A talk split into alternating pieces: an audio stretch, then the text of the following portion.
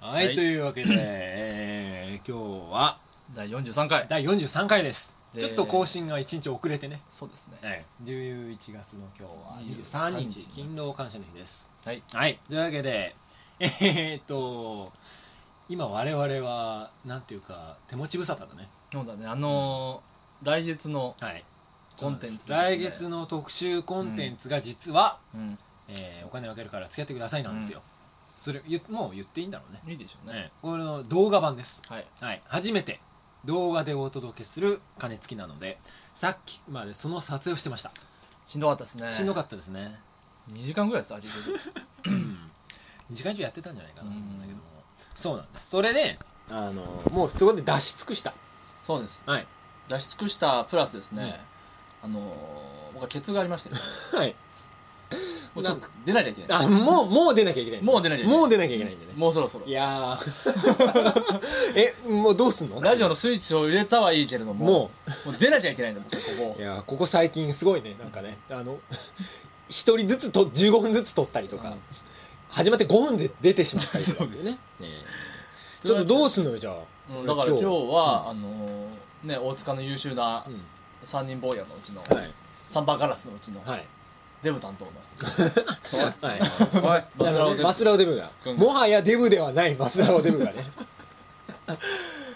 まあ、僕の代わりを務めてくれ るなるほどお本当ですかはじめまして、初めまして初めましてじゃない 絶対初めましてじゃないけ初めましてどじゃマサラオです。うんちょっとねメインで喋んなきゃいけないっていうのは初めてだからね彼はちょっとこの後、はいあの僕がいなくなってから、はいあのメインで、はいえー30分近くやってもらえようかなわかりましたわかりましたじゃあとりあえずタイトルコールだけそうだね参加しておきましょうか、じゃあ今回は MST と福助とバスラオデブのお金をあげるから使ってください3人で言ってみようかじゃ大丈夫ですか松原大丈君夫最後最後大丈夫で最後で大丈夫ですか大丈夫だよ。ああそうだね短い短い方が短い方がいいかなやめてくれ。それは固有名詞じゃなくなるの。じゃあちょっとぶっつけ本番だけども、はいはいこれちょっとやってみよう。はいね。さあ、それでは今回は、えー始まって5分で出てしまう MST の代わりに、マスラオデブと一緒にお届けしたいと思います。こちらのラジオです。どうぞ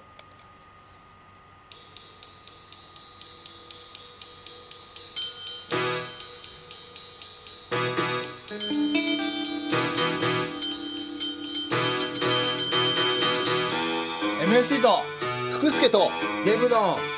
お金をあげるから付き合ってくださ い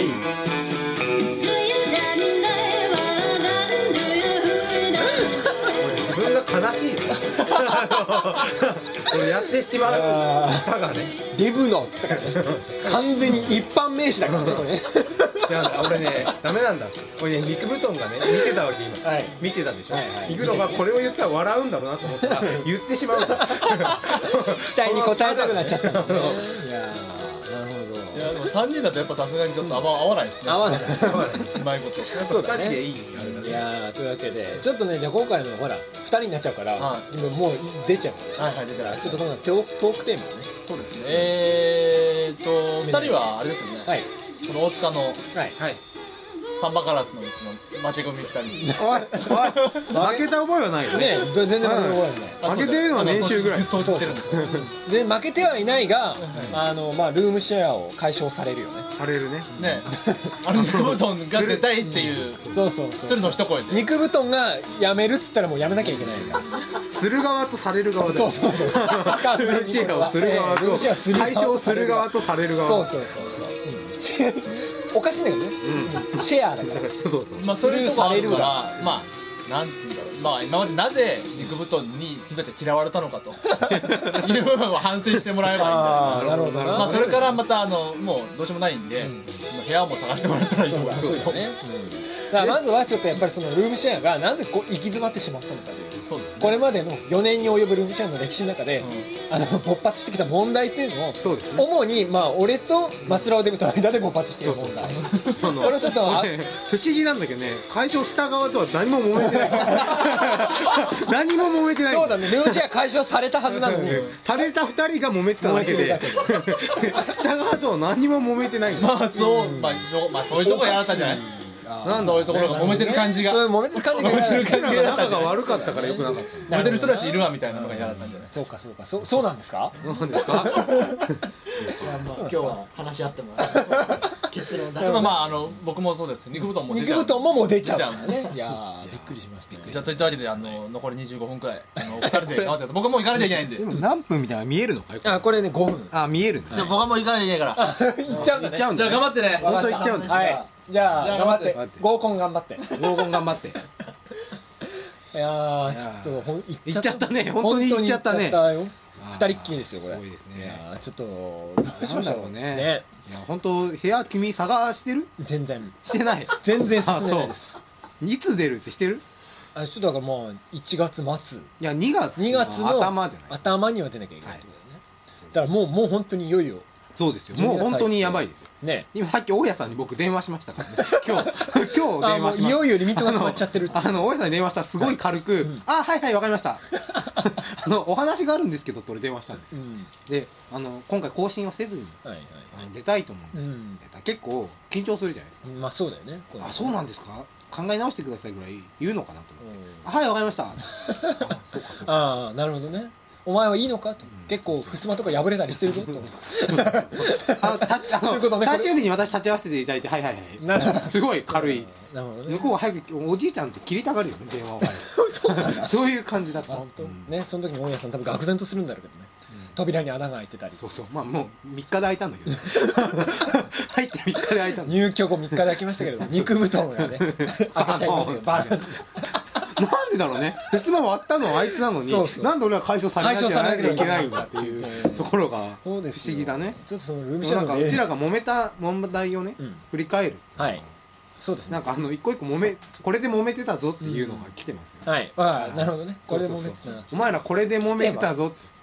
まあ来るのはあいつからしか ない肉布団なんですけど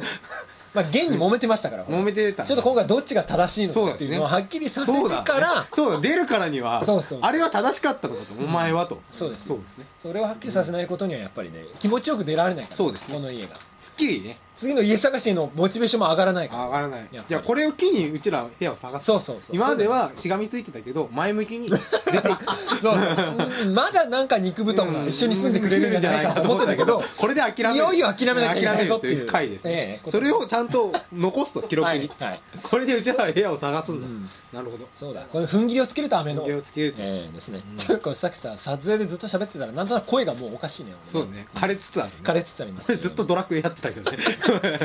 なさあというわけでじゃあちょっと問題を整理してみましょうかはいまずじゃあ1個目はいはいはい なんか鳴らしますかせっかくだからそうですねはいタイトルをじゃあ僕に読みましょわうかりましたはいそれでは行きたいと思いますえー、なんだろうこれタイトルは「ルームシェアここが問題だった」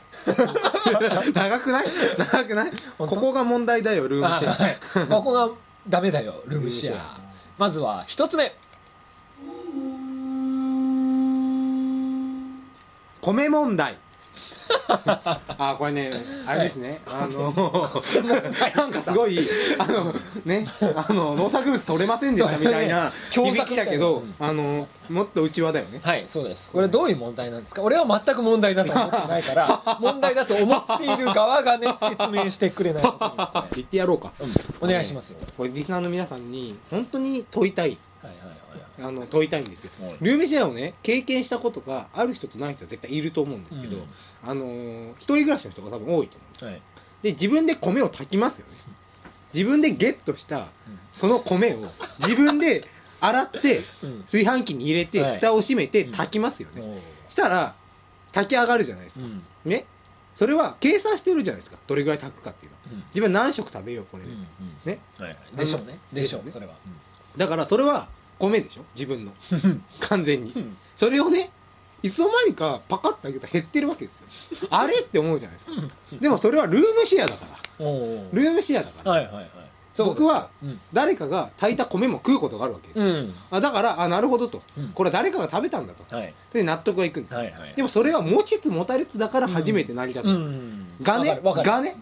だ一回も炊いたことない人間 がただ食い続けてるんだったらそれはギブアンドテイクなのかとただのギブなんじゃないかとなんで俺はギブし続けなきゃいけないんだろう、るこの米をっていう、んこの思いをはいちょっと疑問に一回してみたんですなるほど口にしてみたらその時の、うんこの福助の態度うん何がいけないあるだろ米あるんだから食うだろ、うんうんうんもうあの一言に私はですね、お前は何様だとまず皆さん前提として知っておいてほしいのは、はいあの一番米を炊くのは肉布団なんです、うんさあまあそうそう揺そうるぎのないそう揺るぎのない時期はいでも彼はね、うんよくやってるんですよ何をよく家事運全般含めそうか あのていうか、まあ、よく家にいるんですよ今簡単によ言くう家にいる そうそうそうよく家にいるし、うんよく自炊もするから、はいまあ、米を炊くわけです、うんで、まあ、その肉布団に炊いた米も俺を食うし、うんで米も自分で自力でゲットしてきたりするわけですよ、はいお父さんお母さんとかからも含めて、はいはいはいろいろ、はいい、ろんな塩を発ええで俺米一番多分持ってきてるんですよ家にうんやたら送ってくるからなるほどねはいはいね、米で供給俺もたまに炊くんだよはいはいが福助ですようんまあ持って こないねまあ米家に持ってこないねあれ一回ほら一回し一回4年間で一回でいやいやいやそんなこと一お回っ前てこことはのない家で何キロの米が消費され一回ってお前何キロ持ってきたんだ違うの実家が貧乏なんだからしょうがない よゆとりがないんだよ実家お前なんお前多分ね あんまりちょくちょ相当なくキロ数はね、うんあのやりまし たよちょくちょくうちらって米買もっらたえないんこだ買っよたことあるんだって買ったこおとお米券とかで買おっ米券とかで買ったのかなうんほとんど現金を出して買ったことないかもしれないねそうそううんもうほぼねいろんな人からもらったりとか、うんでもらうっていうのも人望じゃないで すかねはいはい人望を集めて持ってきたわけよ自分うのんねはいはいこれでしかもお前炊いたこといつからないいやいやいやいやそんな日常的にはもちろん炊いたことはないよでも一それは回一回ぐらいあるだ一回なんで一回あるかないかみたいになってんのありますよそれは何回も ねでも今完全に俺の方が攻めてるじゃうんんもうちょっと言い返してみいやいやい言い返してみってないいやだからいいまずまずね まず別にでおそん前ながその米を食う権利がどこにあるか言い返してみって言ってんだよまずうんいいかいうんお米はうんなんだろう俺だっても供給源として持ってきたことあるよどどんぐらいある数回すす数回数回あるよそれはどっから持ってきたのそれ実家からパクってきたパクってきたよ実家から貧乏な実家が投げ出しのお金をはたいて持ってきてくれたわけだよ ねでしかも別に炊いたことないとかさそれは言いがかりですよじゃあ一応円グラフにしたらさ、うんどんぐらいいやそれは圧倒的に割合は少ないよ、うんもちろん、もちろん米を持ってきたうん回数も、うん自分で炊いた回数も、て泣いてるわ け声が出ないそう泣いた回数も圧倒的に少ないですよ回数的に言ったら、うんじゃあ肉布団が圧倒的に多いだろうし、うんねそしてマスラをデブうん大きく離されて福助かもしれないようんでもでもだようんルームシェアっていうのはさうんあった米は食っていいんじゃないのなんでいやいやなんでそういうのも含だってさ別に実費で出てるわけじゃないでしょお米代がんまず米のことかえらでいこもうてじゃあ分かった分かったでもそれは間違 ってるあの実費で出てるかどうかじゃなくて、うん手間とかも含めて、うん君は何だとうんライフタイムのね、うん時給があるわけですよみんなそれぞれ、うんライフタイムには時給があるわけですよ、はい なんで2回繰り返したのそれのはい米をこうやった回数ですよじゃらじゃらとやった回数問いだ問いだ1回10円とかあるかもしれないそれをお前はお前前にねこうリスナーの皆さんにこの一言で僕はとどめを刺したと思ってるんですけど、うんあの言ったことがあってね、うんあそれ言がわお前は俺の今あのー肉布団と俺が炊いた例えば俺が持ってきた米を肉布団が炊い て飯を食ってるんだったらお前はその米を食うのは隣の人の家の米を食ってるや つ一緒だって言っなんだろうなそれはたでせめて態度ですよせめてねあ俺は今食っとるなとうん人の米を食っとるはいっていう認識があるのかとそれですねあるならいいです人の米を食ってるんだというそういうあ認識あるなら俺はいいよおう食え食えと米ぐらい食えよ食わせてやってるんだあっあて気持ちになるわけ戦時中じゃあるま いし食え食えと言ってやろうかと、なんだろうね同じ釜の飯を食うって言葉があるじゃない ですかうん、どうしてこの家に関しては当てはまらないのなんだろうななんだろこうれねね理論で言ったら、んいや感情で言ったらみんなね、そんなこと言うなよ、デブって思うと 思うお食いデブいしん坊 が思うと思う、違うんだって日々生活しててみこの正論がね勝ち得るわけですよいやーそれこいつすごいんですよ何何あの何がすすごごいいおかわり回数 なんですそんよなに食わそんなに食ってない だろなんでうん飯を一回食ってこれ聞きたかったんですけど、なんで君あの夕飯を食べて帰ってきた日も、うん米あると何回も食べるの、あ何回もはちょっと語弊があるけどそれに関してはあのちょっとお答えしますけれども、うんあの飯食って帰る時があるようんでもそれはなんでかというとやっぱりお米が炊いてあるかどうかは分からないじゃないですか帰ってくるまで、それはまあもちろん電話とかで聞けばいいんだけどわざわざそのためにね聞く一時その制度あったんですさあったけどあライスコールってそうそうそのためにね肉布団にさメールしたり電話したりするのも面倒くさいとだからあのでも我々俺は何回も今日は炊いてあるだろうと、うんっていうか朝なんか炊いてあるのを見たから、うん今日は炊いてあるだろうと思っておかずだけ買って、それだよお前炊いてあるだろって見た時、お前それ自分の米扱いだろ、うん、そうだだから俺はこうやって俺が食わないから減らないだろうと思ういやいやそれだ 違う違うでおかずだけ買って帰ったりするじゃん、もうなくなってたりするのねなんかお何がいけねえんだまあ先に食われてて、うんその時本当に心底がっかりしたりするわけ俺 はおかずだけじゃん、うんえどうすればいいんだとだからそれを思うぐらいだかそられさなんで君そこで炊かないのえ君炊けばいいじゃだからんそこで炊いても、そこで炊かないじゃんなんで人違うない違のう違う違う炊けばいいじゃんそそこで炊いても食えないじゃんその炊いた米は俺これら この話でだいぶ長いこれ だいぶ尽長いきないんだよ尽きないん だよ次行ってくださいあ 次だもう 結論としては、まあ、謝ってくれれ ば謝ってくれえれば謝って食えばいいのあ、違う違う、だから謝ってくれれば、もう水に流して、次の家に行こうよ。 っていうわけだから。えこ そうそうの問題はそう、4年間のことを謝って、え残る1か月2か月食べていいのだから、謝ってくれる。そう。悪かった。俺と肉布団に悪かったい。やー謝りたくないな米食って悪かったと言ってくれれば。いやちょっとここは謝れないなんでここは謝れなないんでなの完全に正論だったじゃん、俺。ないやいやいやここは謝れないだって今日分割したら、食っていい権利を分じゃ割あしじゃあたら。米も米代も、うんそのお米を研いでたぐうん。研ぎ代というかね研ぎ代手間ね手間代手間賃ですよ手間賃言うたら手間賃も、うんこれはね俺多分消化してると思うよ何であの毎月5000円ずつ払ってるネット代でそれでも最後の1年でしょ え最後の1年でしょ最後の1年まあいいよ。はいうんわかったわかっじゃた。あじゃあこれは引き分け。これに関しては引き分けっていうか謝ってほしいんだよいね。やいやいや俺は違う俺は謝らないこれに関してはこ絶れは対これは謝ら分かり合ないえなかったとこそうだろでいいねね。これは分かり合えなかっ決裂だた。 決裂でいこう。次行こう。次行こう。次行こはいじゃあ次の問題次の問題2番目う。壊れた家電問題。あれあまあ終わっちゃう終わっちゃう。終わっちゃう はい壊れた家電問題はいやっぱ4年住んでますからね。はいはいはいあの家電もねうん。であのそうリサの皆さんもほぼ知ってる人なんだけど、 あの説明しておくと、はいあのうちは3人で住んでるんですけどは、あの僕だけがうんあの4年間の一人暮らしを経てそうここにたどり着いた。はいはい残り2人は肉布団と福助君は実家暮らしたって暮らしたうんだからで初めて今回の初まあめて実家を出たでこのルームシェアだったので、う家電は最初はあのほぼほぼ僕のそうです一人暮らし用のものをうんまあまあ使えるしって言ってはいでもまあでも年季入ってるから、うん4年間、うんまあ使っていくうちに壊れますからね、はいはいはいなのでまあ壊れた代表的なのがまあ電子レンジ電子レンジ壊れたね壊れましたねあとポットはいはいでこれは一体誰のせ いなのかなんか言い方が 言い方がむき出しだけど誰のせいなのかで誰の問題弁償なのかああなるほどねそうそうそこれはだって完全にううん3人住んでいて3人で使ってたわけだから、うんだから誰のせいでもないよねはこれはもう完全に誰のせいでもないです、よくさ仮殺とかうん2時間ドラマでやってる、はい、はいであれで一番最初に犯人が疑われるのっうてんどんな人だ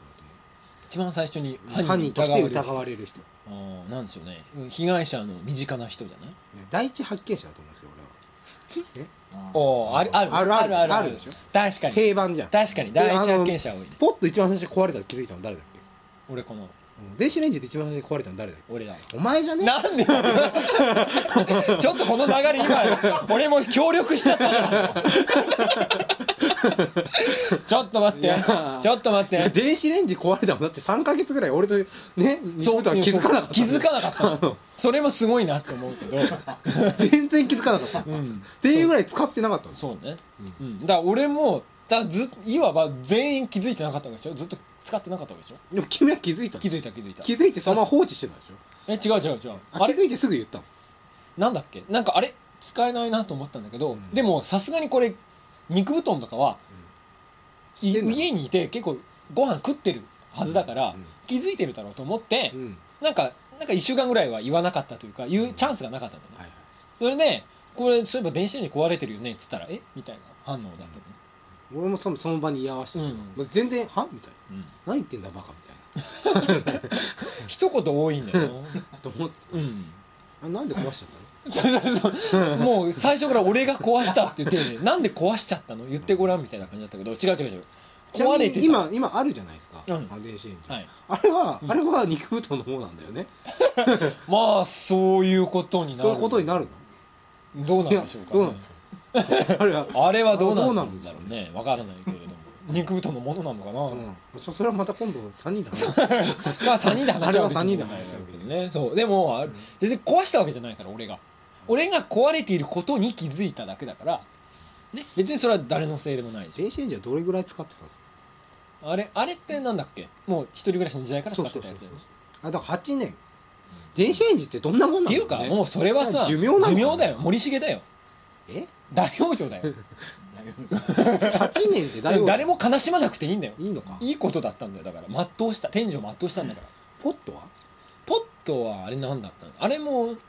君のだっけあれ俺だ全部俺のまあまあ話そうだよ基本的に全部君のあれもなんか急に温まらなくなってたんだねまあでもね正直ねポットはいいやいやだからあれは 俺いらねえしあれは俺がだから買ったんだよね2代目は、うん、だからあでもだからでただねポットは別にいいんだけど、うんまあ捨てろあれいや1代目の古い古い古いやついつあれはでももう2年ぐらいあるだかだらもろう引っ越す時にあのまとめて粗大ゴミで出すわあれはあのそんな何回もやるのもったいないからねまあ、壊れた、まあ、家電、はい、まあ、そんぐらいですかぐらいでしょだって、まあ、洗濯機も壊れそうな気まがあすそるんけど、多分あれ壊れて るあれ多分ね壊れてるんですうん、よあの早く次行け次に行けとこれはもう森にああもうまあでもねでも今後やるでもね家電の問題は重要だよでも引っ越した先だから先にうん俺はだって何にもないわけだから洗濯機も冷蔵庫も持ってないことになっちゃうから電子レンジも全部一から買わなきゃいけないへなんか 興味ないのか興味ないのかお前は持ってるからって興味ないのかまあ、僕電子レンジ持ってるかど うかは分からんこれからちょっと今後の話し合い今後の話し合い次第で なるほどな、うん、俺持っていけるのポットぐらいです よ今のいいじゃん現時点で、まあ、あと次何次の問題で多分もう一個家家電が増えるかどうかがはい、明らかにそうだねじゃあ次の問題を行きましょうはい分かったじゃあ最後の問題になります、三3つ目プリンター問題、はい、説明してください、はい、これはですね、えーそうこの家で、まあ、あのプリンタープリンター複合機とは言わないかプリンターを持っているのが肉布団だけだったのねこれまでね、はいそうですねうんでまあその都度なんかプリントするものがあればちょっと肉布団に頼んでたりしてたんだけど、いよいよ肉布団が買い替えるとなので言うのであじゃあ古いのを、うんあー余るからはいはいくれよとおおねうん余るからうんなんなら肉布団の方から言ってきたのかもしれない、あげるようんこれもう使わなくなるから、なんだったらあげるよみたいなこと言われて、あじゃあ欲しいようん仕事使うからね仕事の結構仕事上家でさはいはい使うことも多いからはい俺ねだからあじゃあちょうだいちょうだいよ、うんつってたんだけどそこへやってきたのはがいストップ ここでねもうここで俺がね言いたいことがもあうるここで取り決めは成立してたの違うんだあね俺はね一つ言いたいのは、はいプリンターの話じゃないんだよ何俺が言いたいのおこおれ違ね4う年間抱えてきたずーっとある問題をここで定義したの、はいはいはいあのそれはね、言い換えればふすま会議 問題ふすま会議というのを説明しよう、はい説明しようあのこの家の構造上ですね、はいあの肉布団と福助の部屋は襖で区切られてそうなんですもともと一つの部屋にできる構造を、うんまあ、襖というものを区切ってね、はいあの靴まで仕切られてる仕か切らられねてるで僕の家だ部屋だけ、うんあの完全に、まあ完全にセパレートされてセパレートされいてや壁とかはいで防音とかも、うんある程度しっかりしてるうんあれなんですけど、うんね、はいこの構造上、うん俺の知らないとこで2人が乳繰り合ってるわけ ですよ 襖越しにちくり合っているみたいなので俺が知らない話題で今で盛り上がられたの俺 ONC の活動で俺が知らないことがなんか進んでたこの寂しさこのを常に訴えあー積て年のねそ積年の訴えてる、はいはいはいその結果の、うん多分プリンター 問題、なんで俺はその場にいなかったのかあーなるほどなるほこれを問題提起したところ、どはいいやだってデブ使わないじゃんみたい なおいおいやめろやめろ使うぞ今日まさに俺はスキャナーを使おうとしてる、はいはいはいはいなるほどねこれを言いたいわけはいよはいこれなんか言い返してみ言い返してみ君がなんでもらえるんだ、そううんいやいやいやいやそれはだってほらなんていうのこういうのはまずこういうのは、なんていうのチャンスチャンスがあったもの勝ちですよそれはでもそれはたまたま部屋の構造じゃうんんそうそう違うじゃん先に先に肉布団が俺に言ってきてくれたわけだからいやでもたまたま俺がそこにいたら多分俺に言ってきそれはほらあいるそれは水かけろた「になマっちズゃうかラらオいる?」みたいなあ水かけろになっちゃうからさでもさ今もうマズラさっき肉の聞いたら、うんこれどっちでもいいって言ってた これ公平にこれは感知しない感じめんどくさいからいや今ここで決 めようよ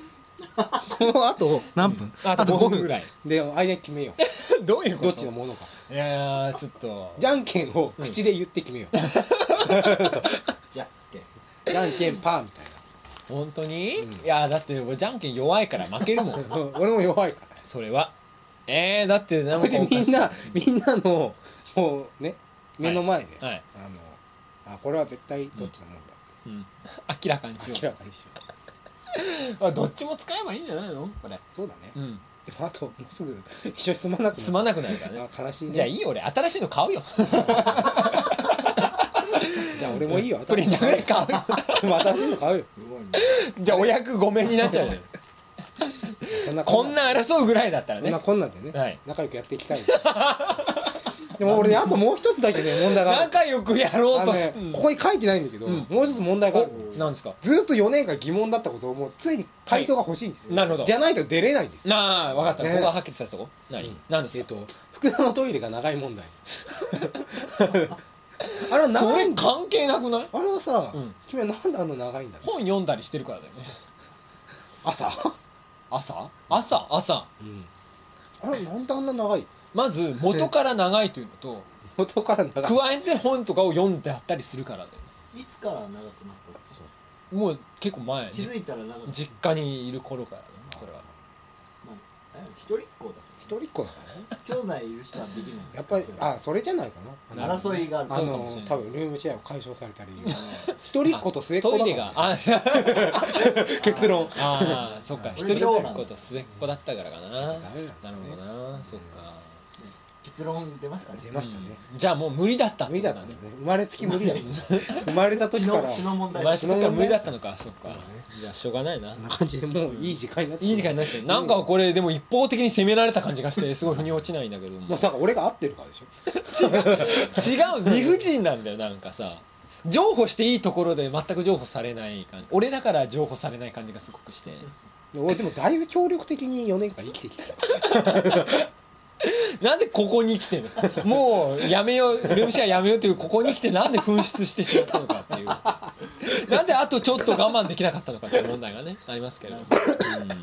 うん、今からやることいっぱいありますねそうだあねのもう引っ越しまではい、あと何がありますかまず家 探さずまず家探さなきゃいけないのあと家電の整理家電の整 あ理と部屋の掃除そうだねこう絶対片付かないよねだって俺は一時あのあの福助君とうん肉布団が持ってる DVD は全部コピーして いってやろう全部コピーして持っていってやろうと思って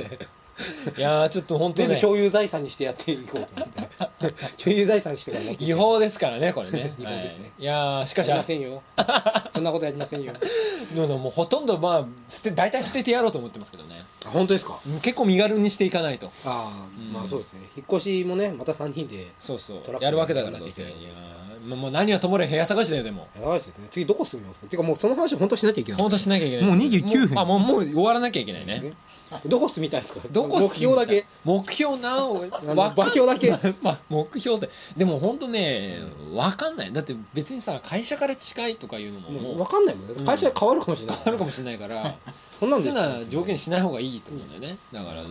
どうしようかななんなんかまあ、あの ONC の問題でもあるからねそうそうこの家がなくなるっていううのは、んそうなんだよねまあ、多分集まるなら肉布団地ですよねそうだね肉布団地だうん肉布団地きっと一番広い部屋広い部屋ですよやっぱ